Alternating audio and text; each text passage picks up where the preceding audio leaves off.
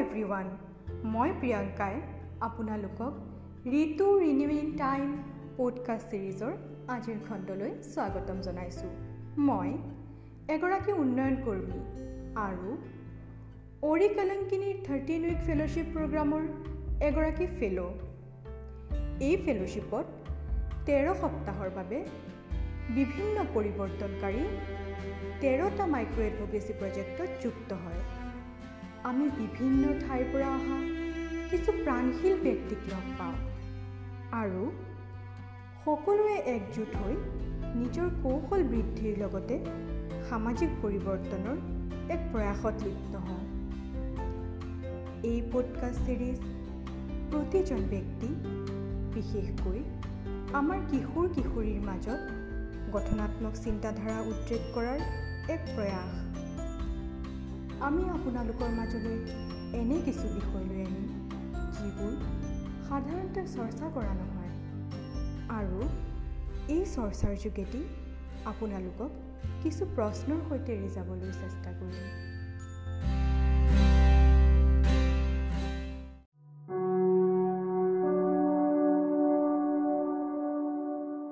আজি আমাৰ সৈতে আছে তিনিচুকীয়া জিলাৰ সোণোৱাল কছাৰী ছাত্ৰ সন্থাৰ প্ৰাক্তন সভাপতি অমীয় কুমাৰ সোণোৱালদেৱ তেখেতে সোণোৱাল কছাৰী ভাষা সংস্কৃতিৰ বিষয়ে বহু অধ্যয়ন কৰিছে আৰু লগতে তেখেত সোণোৱাল কছাৰী মাত কথা বোলা ফেচবুক গ্ৰুপ এটাৰ কাৰ্যকৰ্তা।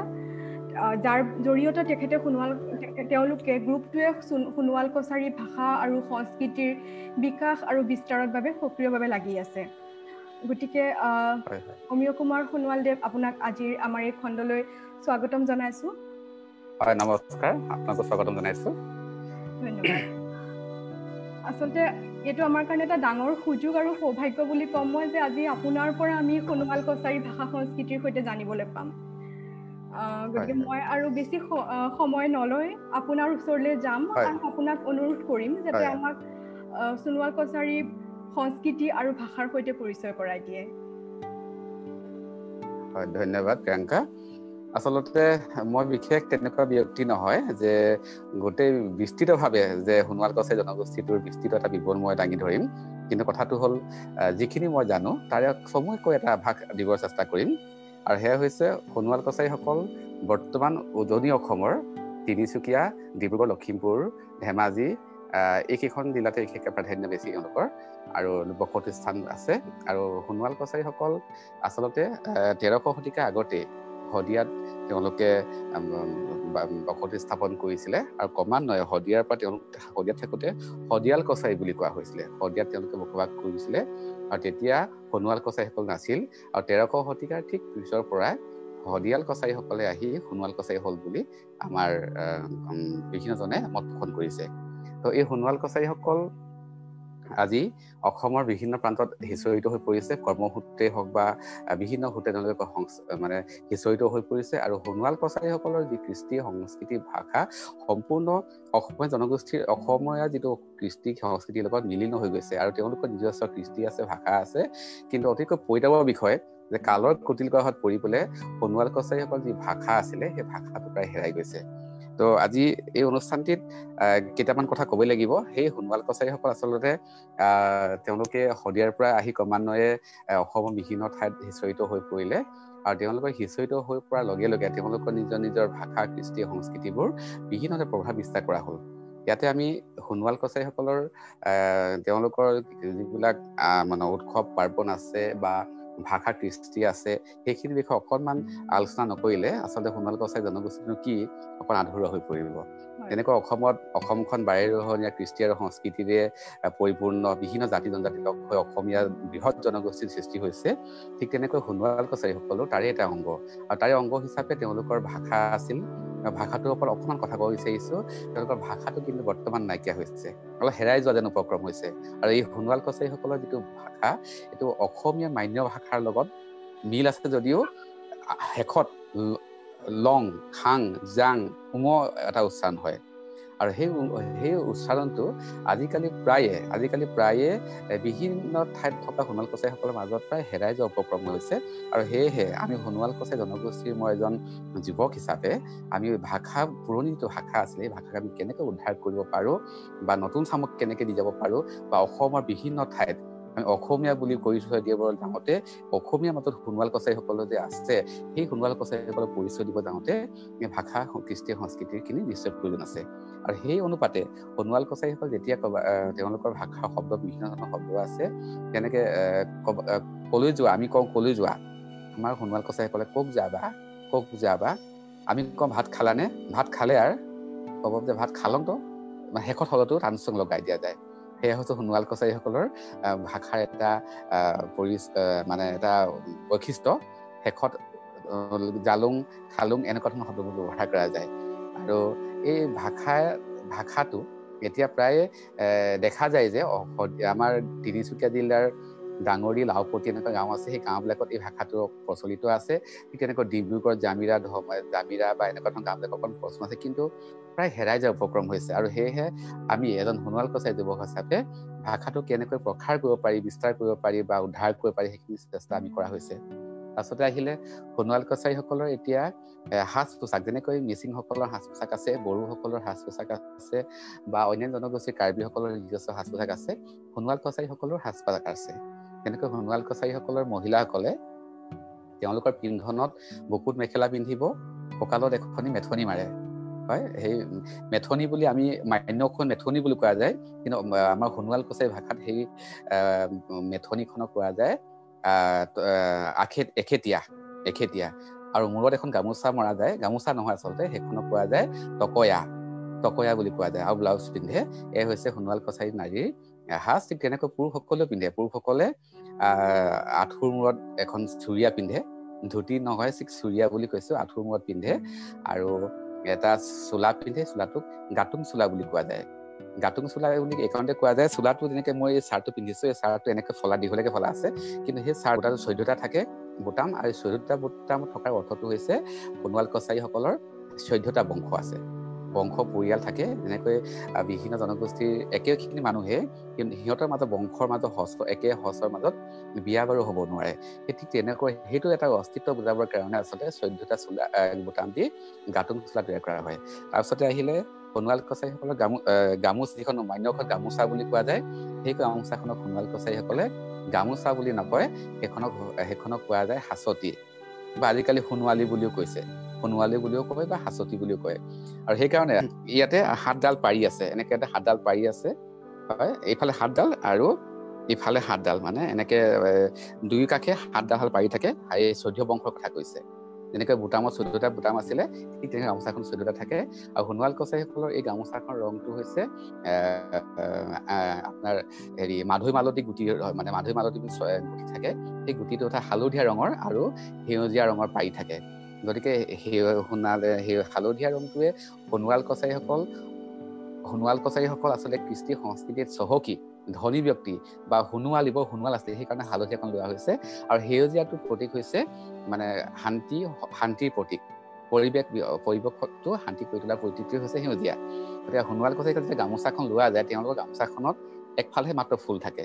এই ফুলটো এইফালে থাকে বাওঁফালে ফুলটো লোৱা যায় সোঁফালে নাথাকে ফুলটো। সোঁফালে এইকাৰণে নাথাকে এজন সোণোৱাল কছাৰী যুৱকৰ যাৰ ভাল পায় তাই যিগৰাকীক ভাল পায় সেই আপোন গৰাকীয়ে যেতিয়া তেওঁ গামোচাখন দিয়া যায় সোঁহাতে ফুলটো দি পেলাই পিন্ধাই দিয়া যায়। পিন্ধাই দিয়াৰ লগে লগে তেওঁক আপোন কৰি লয় যে মোৰ প্ৰতি মই তেওঁক প্ৰতিবৰণ কৰিছো।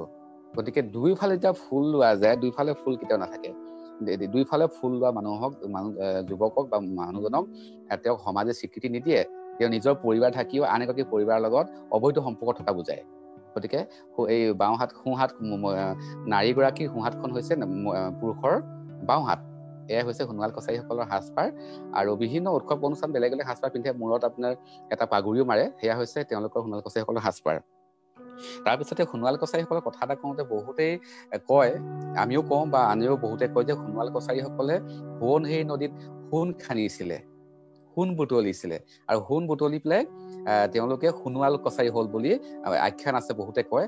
আৰু ঠিক শিৱসাগৰ জিলাৰ শিৱদৌলৰ যিটো শিৱদৌলৰ যিটো ওপৰত মানে সোণৰ কলচী আছে সেই কলচীটো বোলে সোণোৱাল কছাৰী কোনোবা এজন ব্যক্তিয়ে মানে আহোম ৰজাক দান কৰিছিলে। আৰু সেই দানটোৱে গৈ পেলাই এতিয়া শিৱ মানে শিৱদৌলত ওপৰত মানে তেওঁলোকৰ সোণালী সোণৰ এটা কলচী আছে বুলি কোৱা যায়। এয়াই হৈছে সোণোৱাল কছাৰীসকলৰ বিষয়ে ক'লো সাজ পোছাকৰ বিষয়ে ক'লো। এইবাৰ অকণমান ক'ব লাগিব উৎসৱ পাৰ্বণৰ বিষয়ে। উৎসৱ পাৰ্বণৰ বিষয়ে কওঁতে সোণোৱাল কছাৰীসকলৰ মূল উৎসৱটো হৈছে বিহু।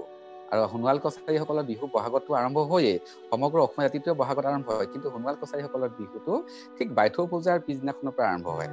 বাইথৌ পূজা বুলি কওঁতে ফাগুন মাহৰ শেষৰ সপ্তাহত বাইথৌ পূজা পতা হয় আৰু এই বাইথৌ পূজাৰ মূল মন্দিৰত এই অনুষ্ঠানটো আৰম্ভ কৰা হয়। মূল মন্দিৰটো আছে তিনিচুকীয়া জিলাৰ ডাঙৰি বৰপথাৰত আছে এটা বাইথৌৰ থান আছে।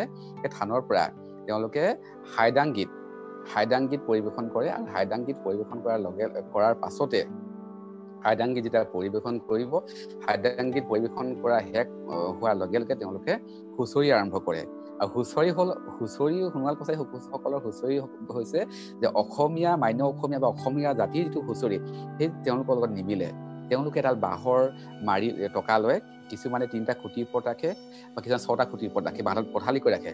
আৰু যিসকল বিহুৱা আছে তেওঁলোকে তাত এটা একোডাল মাৰিৰে কোবাই কোবাই হুঁচৰি গায়। আৰু সেয়া হৈছে সেই বাঁহডালৰ তেৰটা গাঁঠি থাকে। সেই তেৰটা গাঁঠি আচলতে যেতিয়া আখ্যান এটা আছে শিৱই যেতিয়া পাৰ্বতীৰ মৃত্যুবৰণ কৰিছিলে তেওঁৰ শহুৰেকৰ ঘৰত পাৰ্বতীৰ মৃত্যুবৰণ কৰাৰ লগে লগে শিৱই তেওঁৰ মৃতদেহটো লৈ পেলাই গোটেই পৃথিৱীক ঘূৰি ফুৰিছিলে। আৰু পৃথিৱী ঘূৰি ফুৰোতে তেওঁলোকৰ বিভিন্ন অংগ কিছুমান পৰি গৈছিল বিভিন্ন ঠাইত। তাৰে কিছুমান তাৰে কিছুমান নাম লৈছে। যেনেকৈ আমাৰ জনাংগত পাৰ্বতী দেৱীৰ কামাখ্যা মন্দিৰত পৰি গৈছিল সেই কামাখ্যা মন্দিৰ হ'ল ঠিক তেনেকে সোণোৱাল কছাৰীসকলৰ লাষ্টত শিৱৰে তেওঁৰ পাৰ্বতীৰ এই গোটেই ৰাজহাডাল থাকি গৈছিলে। ৰাজহাডাল গোটেই ত্ৰিভুৱন ঘূৰি ফুৰিছিলে। আৰু ঠিক সোণোৱাল কছাৰীসকলকে সকলে শিৱক আৰাধনা কৰি শিৱক পূজা কৰে পাৰ্বতীক পূজা কৰে। গতিকে শিৱ সোণোৱাল কছাৰীসকলে হুঁচৰি গাওঁতে সেই তেৰডাল গাঁঠি থকা বাঁহডাল লৈ পেলাই হুঁচৰি গাই গাই তেওঁলোকে প্ৰত্যেকৰ ঘৰে ঘৰে হুঁচৰি গায়। আৰু এই হুঁচৰি গোৱাৰ হুঁচৰি গীতবোৰ অন্যান্য জনগোষ্ঠীৰ সৈতে সম্পূৰ্ণ বেলেগ। তেওঁলোকে বৰগীত গাব থিয়ৰীয়া বিভিন্ন ধৰণৰ গীত আছে। যেনেকৈ উমনি কুকুৰা বাঁহতলত চৰে নেগুহাতত ধৰিলে কাওঁ কাওঁ কৰে। আচলতে এনেকুৱা ধৰণৰ বিভিন্ন গীত আছে। সেই গীতখিনিৰ বিষয়ে ক'লে দীঘলীয়া হ'ব মই সেইখিনি কথা নকওঁ। তাৰপিছতে আহিলে তেওঁলোকৰ সেইটো হ'ল মূল উৎসৱ হ'ল বিহু বাইথৌ পূজা। তাৰপিছতে আহিলে সেইটো হ'ল বাইথৌ পূজা। গজাই সভা আহিলে। গজাই সভা হ'ল গজাই সভা হাবিৰ মাজত হাবিত এবাৰ গছত সেই পূজাটো পতা যায়। সেই পূজাটো জেঠ মাহত অনুষ্ঠিত হয় সেই এটা উৎসৱ বুলি ধৰা যায়। এই গজাই সভাহত কুকুৰা মাংসৰে এসাঁজ ভাত খোৱা যায়। লগতে সান্দহগুৰি গুড়েদি প্ৰসাদ দিয়া যায়। সেয়া হৈছে গজাই সভা লখিমী তোলা সভা আছে। লখিমী গোটেই গাঁৱৰ ৰাইজ লগ খাই পথাৰৰ পৰা লখিমী আদৰি আনে সেয়া হ'ল লখিমী সভা তাৰপিছতে আহিলে লখিমী সভা তাৰপিছতে বিভিন্ন ধৰণৰ এনেকুৱা অনুষ্ঠান বহুত আছে।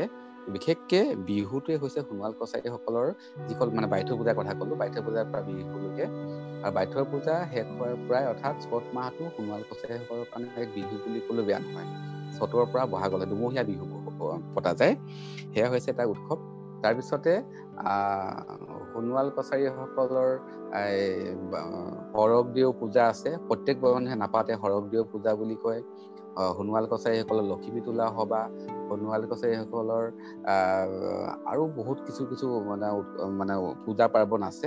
সেইবিলাক বিভিন্ন ঠাইত বিভিন্ন ধৰণে উদযাপন কৰে। ঠিক তেনেকে সোণোৱাল কছাৰীসকলৰ কিছুমান গীতো আছে মণিপুৰৰ গীত ফুলকৰ গীত হাইদাং গীত এইবিলাক আছে সম্পূৰ্ণ। আৰু সোণোৱাল কছাৰীসকলৰ কথা কওঁতে এটা কথা ক'ব লাগিব যে চাৰিমুঠি ব্যক্তিগত কাৰো স্বাৰ্থত তেওঁলোকে পূজা নকৰে। এতিয়া বাইথৌ পূজা পতা যায় বাইথৌ পূজাত আশীৰ্বাদ দিওঁতে কয় চাৰিমুঠি জীৱৰ যে নিস্তাৰ হওক ভা ভু বা ভু ভা চাৰিমুঠি জীৱ বুলি কওঁতে উৰণ বুৰণ গজন ভ্ৰমণ। এই চাৰিমুঠি জীৱৰ শান্তিৰ কথা কৈছে। কিন্তু আপোনাৰ মোৰ বা তেওঁৰ কথা কোৱা নাই। গতিকে সোণোৱাল কছাৰীসকল সেয়েহে আমি ন দি ক'ব পাৰোঁ যে তেওঁলোকে সামাজিকভাৱে সকলোৰে মংগলৰ অৰ্থে চিন্তা কৰি পূজা ভাগ আয়োজন কৰে।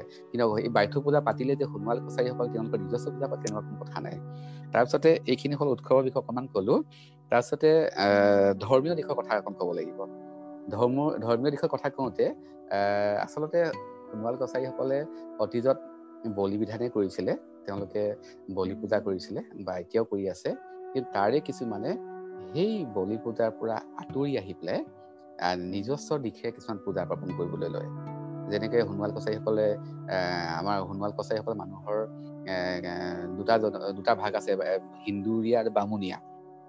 বামুণীয়াসকলে মানে জীৱ হত্যা নকৰি তেওঁলোকে নামেৰে সকাম নিকাম কৰে। আমাৰ যিসকল হিন্দুৰীয়া আছে তেওঁলোকে যিবিলাক পুৰাণী নীতি নিয়ম আছিলে যেনেকৈ আমাৰ এতিয়া আমি সোণোৱাল কছাৰীসকলৰ মানুহবিলাকে মৃতকক দিয়ে। আমি মৃতকক দিওঁ মৃতকলৈ মানে যিবিলাক মানুহ মৰি গৈছে তেওঁলোকক আমি শ্ৰদ্ধা স্মৰণ কৰি বছৰেকত আমি যিটো বস্তু নতুনকৈ খাওঁ ন খাওঁতে এবাৰ দিব লগা হয় তেওঁক স্মৰণ কৰা যায়। বহাগৰ বিহুত তেওঁক এবাৰ স্মৰণ কৰা যায়।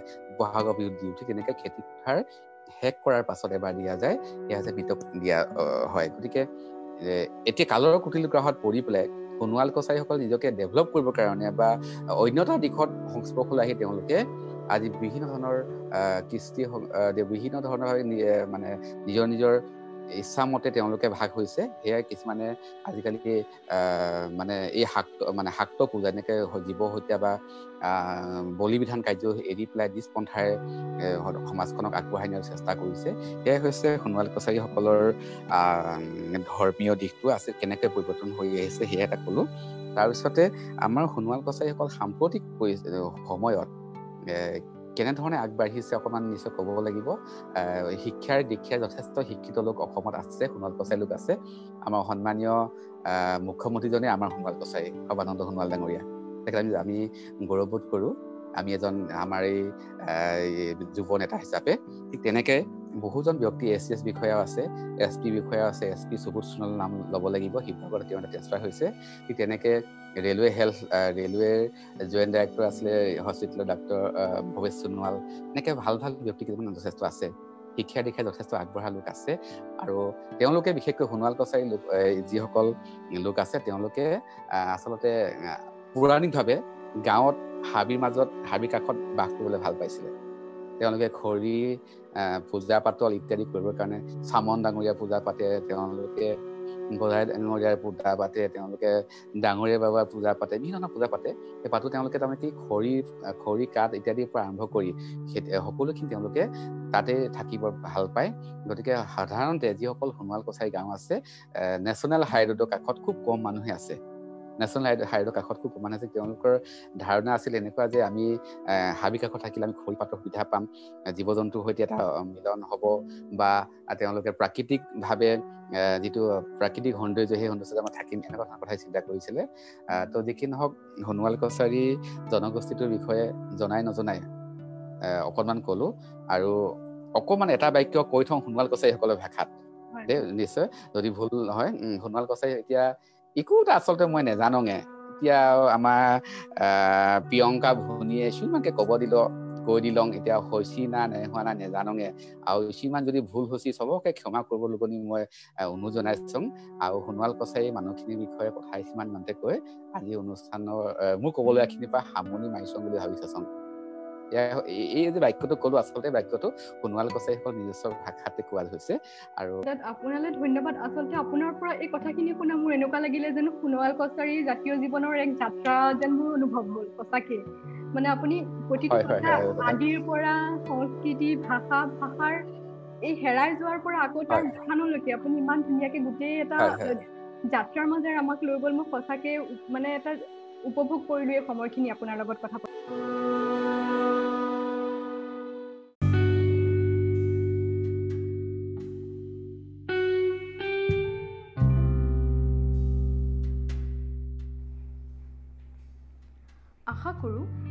খণ্ডটোৱে আপোনালোকক ভাবিবলৈ কিছু সুযোগ দি গ'ল হয়তো কিছু কথাত আপোনালোকে মান্তি হ'ব আৰু কিছু কথাত আপোনালোকৰ ডিমতো থাকিব। কিন্তু নিশ্চিতভাৱে এই বিষয়বোৰত চিন্তা চৰ্চা কৰিব।